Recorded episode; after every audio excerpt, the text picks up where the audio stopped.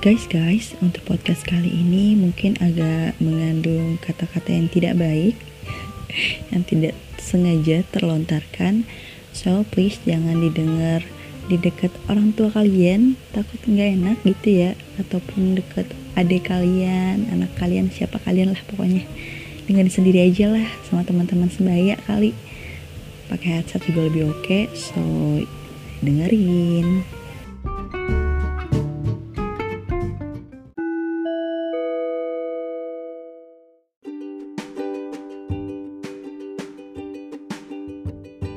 Guys, ketemu lagi bareng aku di Suaraku, Suara Kita. Nah, di podcast kali ini akan beda sedikit nih guys. Soalnya aku gak bakal ngobrol bareng orang. Jadi aku akan sharing dengan diri aku sendiri. So, apa sih yang ingin aku sharingin? Aku bakalan ngebagiin tentang pengalaman aku jadi ODP Orang dalam pemantauan. Loh kok bisa sih? Hmm, ya bisa.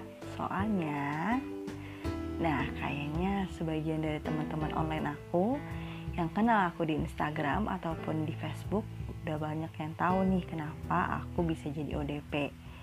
Yap, gak butuh waktu lama, aku langsung ceritain aja ya dari awal. So, tepatnya di tanggal 10 Maret 2020, aku mutusin untuk balik ke kampung halamanku. Nah, awalnya aku mesen tiketnya di Hamin satu. Aku pesan tiket aku langsung bayar. Tiketnya terbit. Tiba-tiba uh, aku obrolin ke kakak sepupu aku kebetulan uh, selama di Jakarta aku tinggal bareng kakak sepupu aku. Jadi uh, dia ngasih tahu aku ternyata di tanggal 10 itu bertepatan di mana PSBB berlaku pertama kali di Jakarta. Aku shock dong aku langsung mikir ya ampun jangan-jangan eh, penerbangan aku bakal dibatalin atau perjalanan aku kan itu harus ngelewatin tol ya bakal ditutup. Aku panik banget dong Duh gimana ya? Aku refund aja apa ya? Aku udah mikir ke mana-mana tuh Duh udah fix nih gue refund aja deh. Ditambah lagi uh, tiba-tiba uh, kakak gue ngehubungin kan kakak gue waktu itu uh, berada di Selat Panjang. Dia kerja di salah satu rumah sakit juga. Jadi dia sebenarnya nggak setuju buat gue balik ke Pekanbaru. Ya, gue ngomongin lagi kotanya. Ya udahlah. ya kan? Jadi dia ngubungin gue, dia langsung ngomong, "Ade, udah kamu gak usah balik aja dengan segala macam ketakutannya dia." Dia ngejelasin uh, alasan kamu uh, alasan gue nggak boleh pulang itu kenapa. Terus sampai dia ngomong, "Udah, Ade nggak perlu khawatir masalah tiket ntar uni ganti deh sepenuhnya duitnya dan segala macam. Udah tuh. Gue sebenarnya dalam hati gue di hati kecil gue pun gue tuh nggak mau pulang. Soal gue mikir orang tua gue kan udah cukup berumur. Jadi gue kayak ya gue egois aja kalau gue mutusin buat pulang. Tapi singkat cerita beberapa beberapa hari sebelumnya tiba-tiba nyokap gue ngehubungin gue tiba-tiba dia ngubungin tuh. Dia bilang kalau gue harus balik. Gue Ramadan harus di Pekanbaru. Terus dia bilang juga kalau semuanya udah disiapin kamar atas. Kebetulan kan rumah gue ini tingkat dua. Jadi yang di tingkat kedua itu nggak ditempatin emang kosong. Jadi nyokap gue langsung ngomong udah deh pokoknya kamu pulang aja. Kamar atas udah mami beresin. Uh, semuanya udah mami siapin uh, apa ya pokoknya semuanya deh di, di, di dikasih tahu nyokap gue gitu. Sampai nyokap gue ngomong ntar kalau kamu makan pun ntar mami tinggal antar aja udah di atas tangga. Kamu tinggal uh, ambil aja di atas tangga. Kamu nggak perlu nggak perlu turun dan segala macam. Udah tuh dijelasin. Cuman nyokap gue nggak ngejelasin alasan pasti dia nyuruh gue balik apa. Tapi itu nyokap gue ngubungin gue tiap saat. Bener-bener literally tiap saat sampai di grup keluarga pun dia ngebahas itu juga nyuruh gue balik. Gue masih penasaran kan gue kayak ngomong mam kenapa mam? Kenapa harus balik? Mami kan tahu keadaan sekarang itu gimana bahayanya dan segala macamnya. Terus nyokap gue ngomongin udah deh pokoknya balik aja. Uh, yang gue tahu saat itu mungkin nyokap gue mikir kayak udahlah kamu balik aja nggak enak. Kan sekarang juga uh, posisinya saat itu kan gue lagi nggak kerja juga gue lagi nggak kerja terus gue tinggal bareng om gue sama tante gue dan sepupu gue juga di rumahnya. Mungkin nyokap gue mikir gue nantinya akan ngeberatin mereka dalam keadaan seperti ini kan dalam keadaan pandemi seperti ini. Sampai uh, kakak sepupu gue udah bantu gimana ya udah malah ngebantu yakin gue janganlah dek kamu tuh jangan pulang dan segala macam. Sampai dia bela-belain nanyain ke teman dokternya dia tetap aja teman dokternya tuh ngelarang gue buat balik ke kampung gue saat itu. Kakak gue mau udahlah deh kamu kalau sayang sama mami papi kamu gak usah pulang dan segala. Duh ya udah deh gue kayak gimana ya? Gue serba salah gitu. Gue ada yang bener-bener ngejelasin sampai kakak gue juga ngomong udah lama mandi gak usah pulang dulu. Kan ada di sana bareng si om si tapun gue di rumah aja. Udah tuh. Udah tuh kan udah selesai di sana akhirnya gue langsung ngejelasin aja ya udahlah uh, ya udah mam uh, ntar ada pesen tiketnya. Gue iyain aja gitu dulu kan setidaknya nyokap gue nggak panik. Gue iyain terus tiba-tiba nyokap gue nagih lagi mana deh mami mau lihat hari apa? Pesen tiketnya aduh udah deh. Gue langsung pesan itu malam gue pesan malam. Makanya gue nggak tahu tuh informasi tentang psbb itu gue pesan gue langsung bayar ya udah tuh paginya baru gue omongin sama kakak sepupu gue dan dia baru ngomong ternyata itu psbb gue panik. Gue panik banget gue ngomong udahlah fix nih berarti Allah bener-bener nggak ngizinin ngizinin gue balik saat itu gitu. Gue kayak ya udahlah gitu. Dan pas ngepacking baju pun gue kayak aduh males-malesan banget. Soalnya kayak gimana ya uh, ya ini virusnya kan parah banget kan tapi kena nyokap gue ngeyakinin gue ya udah deh kamu pokoknya harus balik aja. Kebetulan ini emang ramadan pertama gue juga setelah bertahun-tahun ngerantau di Jakarta kan. Jadi nyokap gue pengen selagi gue lagi nggak kerja dia pengen gue ramadannya di Pekanbaru. Ya udah tuh sampai di hari H uh, gue kebetulan ngambil eh, ngambil flagnya jam 2 apa jam berapa tuh gue lupa. Dianterin sama kakak sepupu gue. Gue kayak ya udahlah gue pamit om gue juga kayak gimana ya mau mau nggak mau ngelepasin gue. Soalnya kan uh, nyokap gue yang minta gitu. Jadi ya gimana mau nahan juga gimana kali. Jadi udah terus gue diantar sama sepupu gue. Sumpah itu jalan sepi banget sepi banget jalanan. Tol kosong. Nyampe bandara pun itu kan perjalanan kita dari Cibubur ke Suta. Itu kan harusnya dua jam kali ya. Soalnya kita sempet sholat dulu. Uh, kayaknya harusnya harusnya dua jam. Lo tau gue cuman setengah jam dari Cibubur ke Suta. Tepuk tangan gak tuh? Gue shock nyampe ke Suta pun kayak ini apa? Sumpah bener-bener kayak kota mati cuy. Sepi banget. Toko-toko makanan KFC, Solaria, McD dan segala macamnya itu tutup bener-bener tutup. Kagak ada orang sama sekali. Terus pas kita masuk ke parkiran pun jadi kan karena kita ngitung waktunya bakal kena dua jam ataupun satu jam setengah kita nyada ah sorry. Kita on the way-nya itu ya beberapa jam sebelum keberangkatan seperti biasa. Cuman karena itu jalan sepi banget kita cuman ngabisin waktu setengah jam. Jadi kita nunggu akhirnya kita parkir dulu tuh mobil. Awalnya kakak gue maunya gue di drop terus dia langsung pulang biar kita nggak nunggu-nunggu lama. Ternyata waktu kita nyampe itu masih lama banget untuk check in jadi kita parkir dulu. Udah tuh kita parkir dulu pas ya kalau yang udah pernah ke parkiran Suta lo tahu deh harusnya gimana tuh ramenya dan susahnya buat nyari parkiran Suta. Tapi ini kosong cuy. Cuman ada beberapa uh, mobil. Cuman kalau motor sih emang banyak banget sih. Kalau motor masih banyak. Udah kan? Udah terus uh, nunggu berapa jam akhirnya udah masuk waktu check in gue langsung diantar lagi ke pintu masuk tuh. Gue turun udah tuh gue mulai menemukan beberapa orang. Beberapa orang sih banyak sih lumayan banyak orang. Dan sebelum gue masuk ke pintu uh, bandara eh maksudnya itulah terminal gue buat check in gue menggunakan jas hujan.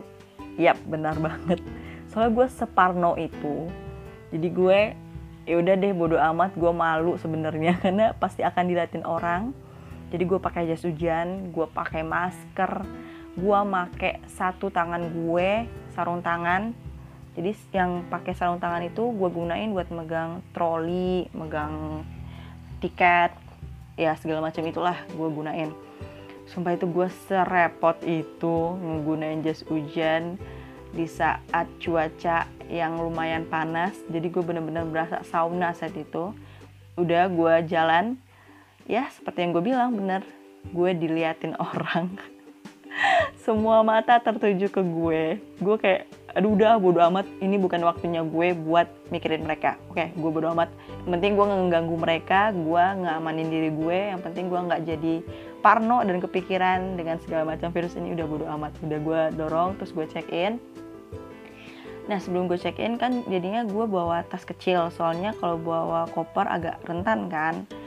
Jadi gue bawa tas kecil aja. Nah jadi pas check in udah segala macem uh, gue nge-wrap dulu di bandara sebelum masukin ke bagasi.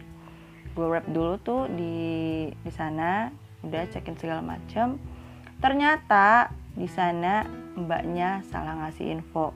Kan jahat banget ya jadi dia ngomong seakan-akan penerbangan gue itu dimajuin gue panik dong gue panik banget jadi gue kayak sedikit lari gue pakai ransel pokoknya repot deh repot banget. Terus pakai jas hujan lo bayangin dong keringetan gue gimana. Udah tuh gue lari sama masih diliatin orang. Sampai gue udah mau udah mau masuk ke ruang tunggu tiba-tiba ada orang yang nyeletukin gini ke gue. Aduh mbak hujan di mana ya? Aduh sebel banget gue.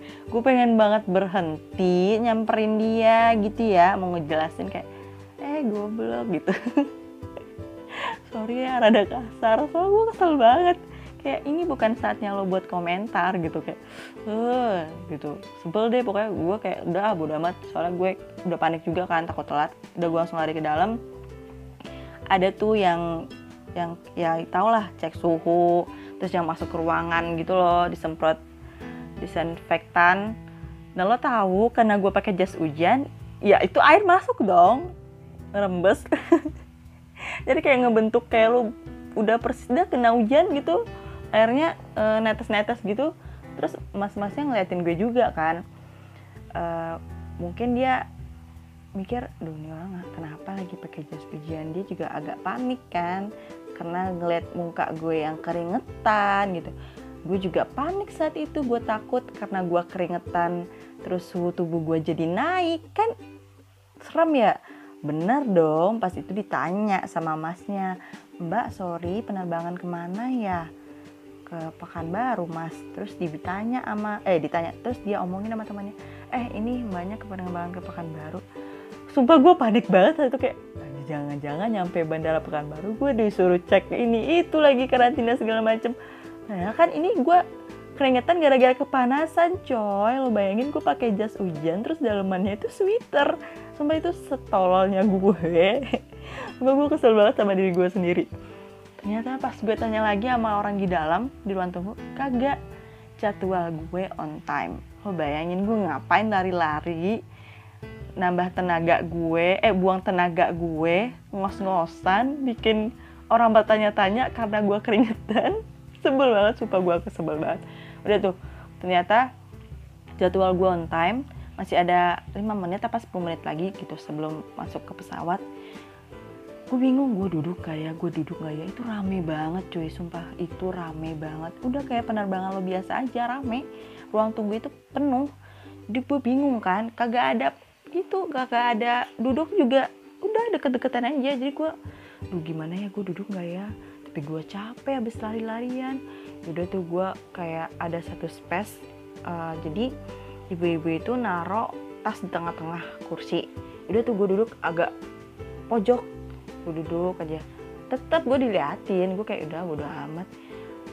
Nah waktu itu oh iya sebenarnya gue belum cerita ya. Jadi yang ngeyakinin gue buat tetap balik itu adalah gue ngehubungin beberapa teman pramugari gue nah mungkin kalau lu dengar nih nih nih gara-gara lo nih gara-gara lo gue tanyain e, jadi gimana penerbangan sekarang? Masih rame nggak? Masih normal? Terus dia ngejelasin dong enggak kok nggak serame itu. E, semuanya e, gimana ya udah teratasi lah. Maksudnya dalam pesawat pun sepi cuman ada beberapa orang. Kosong banget lah pokoknya. Terus juga bandara kosong tenang lah nggak bakal duduk deket-deketan. Bisa duduk jauh-jauhan kok walaupun uh, lo duduknya ntar uh, kiri kanan tapi karena pesawat kosong lo bisa pindah ke belakang. Tuh gue langsung mikir kayak wah bagus dong kalau kayak gitu berarti ya udahlah nggak apa-apa gitu. Berarti udah aman ini bandara karena pesawatnya kosong gitu. Eh ternyata ternyata eh ternyata nomor pesawat gue dipanggil untuk masuk ke pesawat. Dipanggil lah nomor boarding gue. Cret, tuh tuh tuh tuh satu-satu berdiri. Kosong shock. Hah sumpah ini semua mereka mau terbang bareng ke daerah yang sama sama gue. Gue shock kan gue kayak hah beneran? Ini nggak bercanda kan? Gue kayak bener-bener ngeliatin cuy. Gue langsung ngeliatin. Ternyata bener serame itu yang mau berangkat ke kota yang sama sama gue. Dan pas mau uh, cek tiket terakhir kali pun cek boarding pas terakhir kali pun itu kayak biasa cuy. Kayak normal biasa. Kita dibikin dua line gitu terus udah nempel aja. Jalannya nggak ada yang ngatur nggak ada yang ngebatasin. Dari pihak bandara kagak ada. Kagak ada sama sekali. Gue kayak aduh ya Allah ini mereka kenapa sih? Ini tuh hari pertama PSBB diberlakuin loh. Mereka ya Allah sumpah gue tuh bener-bener pengen marah tapi gimana ya? Bukan salah mereka. Emang dari bandaranya gitu yang nggak nginpen ke mereka. Sumpah gue kesel banget deh pokoknya. Terus gue ngeliat juga yang pas pada ngantri ada ibu-ibu bawa anak bayi ada bapak-bapak. Gue kayak wah ini pada berani-berani banget kan yaudah deh gue kayak udah lanjut aja. Gue doang yang parno kayaknya deh. Gue aja yang jauh-jauh ngomong mereka jadi gue biar aja dulu mereka jalan. Gue di belakang aja gue mikir kayak ya udahlah paling itu di ini doang terpas di pesawatnya diatur paling gitu. Ternyata kagak cuy kagak juga di pesawatnya pun di dalam pesawatnya pun pramugarinya kagak ada ngapa-ngapain. Gue sebel banget. Kayak biasa lo masuk kayak nunggu pada kiri kanan duduk itu nggak ada batasan. Udah masuk aja jalan kayak biasa. Gue kayak mikir aduh ini sampai ke pesawatnya banget kayak gini sepenuh ini serius terus gue juga ngeliat ada salah satu pramugarinya masih nggak pakai masker. Gue kayak mbak lo serius mbak? Ini orang di dalam pesawat itu rame banget. Tapi lo nggak pakai masker. Gue nggak tahu ya itu mungkin karena uh, belum terbang apa gimana tadi pakai media nggak tahu deh gue. Gue juga nggak terlalu merhatiin muka mbaknya. Pokoknya gue ngeliat dia saat itu nggak pakai masker. Gue kayak anjir mbak. Sumpah mbak lo harusnya teriakin mereka satu-satu pak. Tahan dulu ya pak. Biarin dulu yang di depan masuk duduk gitu. Satu-satu diatur ini kagak ada. Udah tuh gue duduk bener dong penuh bener-bener penuh. Gue kesel banget karena gue bener-bener dikasih di tengah-tengah gitu loh. Maksudnya duduknya di tengah. Kayak mikir aduh gue, gue kayak kiri kanan sama orang asing kayak gue pakai jas hujan sendirian gitu. Terus uh, di tengah perjalanan uh, tiba-tiba ada yang batuk cuy. Ada yang batuk jadi kita sontak melihat pelakunya gitu. Kayak bener-bener spontan aja gitu ngeliatin dia. Pokoknya parah banget sih. Terus sama perjalanan itu gue bener-bener nahan pipis. Karena gue nggak berani pipis. Fix gue nggak mau eh pipis gue nggak mau pipis di bandara. Ih jangan pipis lah. Buka masker dan segala macamnya gue nggak berani. Gue belum nahan dua jam setengah lo bayangin gue nahan. Pecah-pecah tuh itu gue. Gue nahan cuy. Setidaknya ya udahlah penting gue aman. Terus gue juga lapar. Soalnya gue uh, berangkat itu jam sebelasan. Jadi ya udah makannya makan siang sebenarnya kakak sepupu gue udah nyuruh dia makan bawa makanan aja. Kan gue nggak berani cuy sumpah gue nggak berani banget makan di pesawat. Padahal di tengah perjalanan itu ya pramugari bagiin makanan sebenarnya. Gue bisa aja makan soalnya kiri kanan gue bodo amat gitu loh. Makan aja mereka. Cuman gue mikir aduh nggak deh nggak berani gue. Minum aja gue tahan. Ya udah deh gue tahan semuanya aja sekalian gitu udah tuh gue nahan pipis gue nahan makan gue nahan haus abis dah penderitaan gue dan terus uh, udah, selesai tuh udah landing segala macem. Gue nyampe ternyata di bandara Pekanbaru udah ada pengecekan nggak tahu deh dari rumah sakit mana. Jadi dia minta kita ngisi data gitu uh, kita nama alamat nomor handphone terus keterangan penerbangan kita dari mana naik pesawat apa ada riwayat penyakit yang dialami saat itu nggak kayak batuk demam ya kayak biasa lah nggak sakit gitu. Terus pikiran gue wah jangan-jangan minggu depan gue akan dihubungin nih sama pihak rumah sakit. Buat mastiin gue masih aman-aman aja nggak. Ternyata enggak cuy. Kecewa banget gue ternyata enggak padahal kan bisa jadi ya orang yang tiba-tiba uh, bukan tiba-tiba orang yang sama-sama terbang sama gue tapi dia lagi batuk atau demam tapi dia bisa aja bohong ya kan? Mungkin karena dia takut dia bohong dibikinnya aja nggak ada nggak ada. Orang nggak dicek kok. Orang nggak dicek suhunya nggak diapain segala macam. Jadi benar-benar aman. Lo kayak udah lo mau penyakitan pun lagi ada demam pun ya udah. Mereka juga nggak tahu gitu. Mungkin saat itu ya gue nggak tahu kalau sekarang. Ya sekarang udah tutup juga sih penerbangan. Udah tuh uh, ternyata nggak ada dihubungin nggak ada dihubungin dan segala macamnya gue kayak mikir terus mereka ngapain di sana? Pertama mereka buang-buang biaya karena buang-buang kertas buang-buang waktu mereka dan mereka ngumpul-ngumpul di sana. Ada perawat eh gue nggak tahu dia perawat apa. Pokoknya ada pihak rumah sakit ada polisi juga dan mereka nggak ada jarak. Nem bukan nggak ada jarak sih mungkin karena mereka ada beberapa orang jadi kayak deketan aja gitu ya gue nggak tahu ya fungsi mereka di sana tuh apa. Mungkin ya bisa ada yang ngejelasin ke gue yang tahu apa fungsi mereka di sana.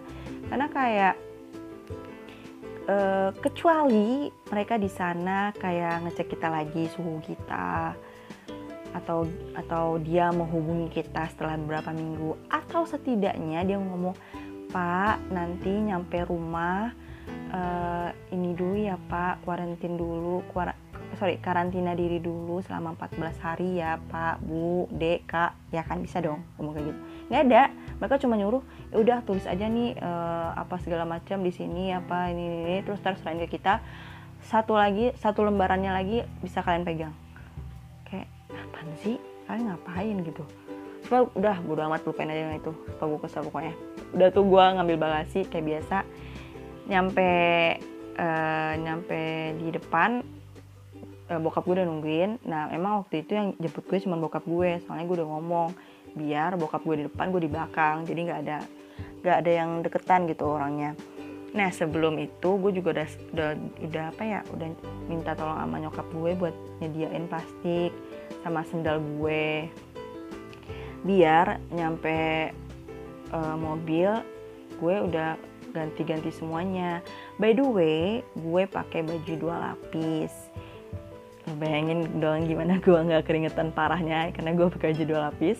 Jadi uh, sebelum gue naik mobil uh, gue bukain dulu semua baju gue. Oh ya sebelumnya gue tetap pakai antis dulu. Gue bersihin tangan gue. Gue buka tuh jas hujan masker segala macam gue buka celana gue ganti jangan mikir macam-macam ingat tadi gue double ya semuanya. Cara gue buka kaos kaki gue buka semuanya sepatu gue buka gue pindahin ke plastik semuanya. Gue pindah plastik semuanya terus gue pakai uh, sendal yang udah dibawain bokap gue. Uh, gue pakai baju yang bener-bener enggak bersentuhan dengan udara atau orang-orang yang di bandara tadi. Jadi kalau jadi karena gue udah ngerasa aman barang-barang semuanya udah gue masukin semua ke baga, uh, ke baga, uh, sorry bagasi. Susah banget gue ngomong ke bagasi. Nah tas gue tas tangan gue juga gue taruh ke belakang. Nah sebelum gue taruh ke bagasi itu bagasi gue udah dialas dulu sama plastik. Biar barang-barang gue tadi nggak nyentuh langsung ke bagasinya. Udah gue gue naik mobil. Uh, sebelum naik mobil pun gue pakai antis lagi udah kayak biasa. Terus gue pakai tetap pakai masker. Nah gue naik mobil karena cuaca panas bokap gue tetap hidupin AC kan. Cuman uh, kaca jendela gue turunin dikit jadi biar udaranya bisa berganti lah. Udah tuh di, di mobil pun gue kayak udah kayak orang asing aja kayak ngomong apa ya ngomong apa adanya eh, bukan apa adanya sih ngomong seadanya. Kayak gimana gimana pi apa segala macam ini, ini ya karena kayak ya mau ngomongin apa gitu. Nggak ada adegan peluk pelukan salam salaman kagak ada. Ya kayak bapak dan anak pada umumnya gitu dan nyampe rumah pun gue gue uh, gue cuma sempat uh, say hi sama nyokap gue. Terus gue langsung lari aja ke atas dengan membawa barang gue. Gue langsung lari ke atas ternyata benar gue kaget banget ngeliatin barang-barang di kamar atas udah tersedia baju-baju tidur gue udah ada kasur kasur di atas udah bersih banget udah ada piring gelas sendok mukena sajadah toiletnya juga. Udah ada ember buat gue cuci baju. Ya segala macam deh buat gue cuci piring. Parah banget nyokap gue bener-bener the best deh the best banget the best the best the best the best. Ya mungkin nyokap nyokap lainnya eh sorry nyokap nyokap lainnya juga bakal ngelakuin hal yang sama kali. Ya pokoknya nyokap gue ter the best dah. Udah tuh jadi nyampe nyampe eh, nyampe kamar gue langsung mandi sebelum gue di tas gue keluarin semuanya tasnya itu doang bajunya nggak jangan dong. Bajunya gue jemur aja gue jemur di matahari. Jadi kalau gue cuci semuanya kebanyakan bu mohon maaf pakai tangan capek. Jadi gue cuci tuh yang tas-tasnya segala macam udah gue mandi. Udah deh jadi gue 14 hari di karantina super bosen parah mau hampir gila. Cuman beruntungnya gue bawa beberapa permainan kesukaan gue bukan permainan sih yang gue lagi hobi banget. Gue sekarang lagi hobi ngewarnain. Jadi gue bawa dari Jakarta terus gue juga bawa laptop gue. Ya udah jadi gue 14 hari karantina seperti biasa. Gue bikin list jadi gue biar nggak gabut-gabut amat. Jadi gue bikin list tiap hari gue harus ngapain. Pagi gue harus olahraga dulu pas berjemur. Terus siangnya gue ini apa gue ngebikin podcast ataupun ngewarnain. Soalnya gue sekarang lagi hobi banget nih kayak gini nih podcast. Jadi gue bikin tuh selama karantina ide ini baru tercetus. Soalnya gue gabut jadi gue mutusin buat bikin podcast. So hmm, malamnya ya itu gue nonton gue nonton di di laptop gue nonton drama.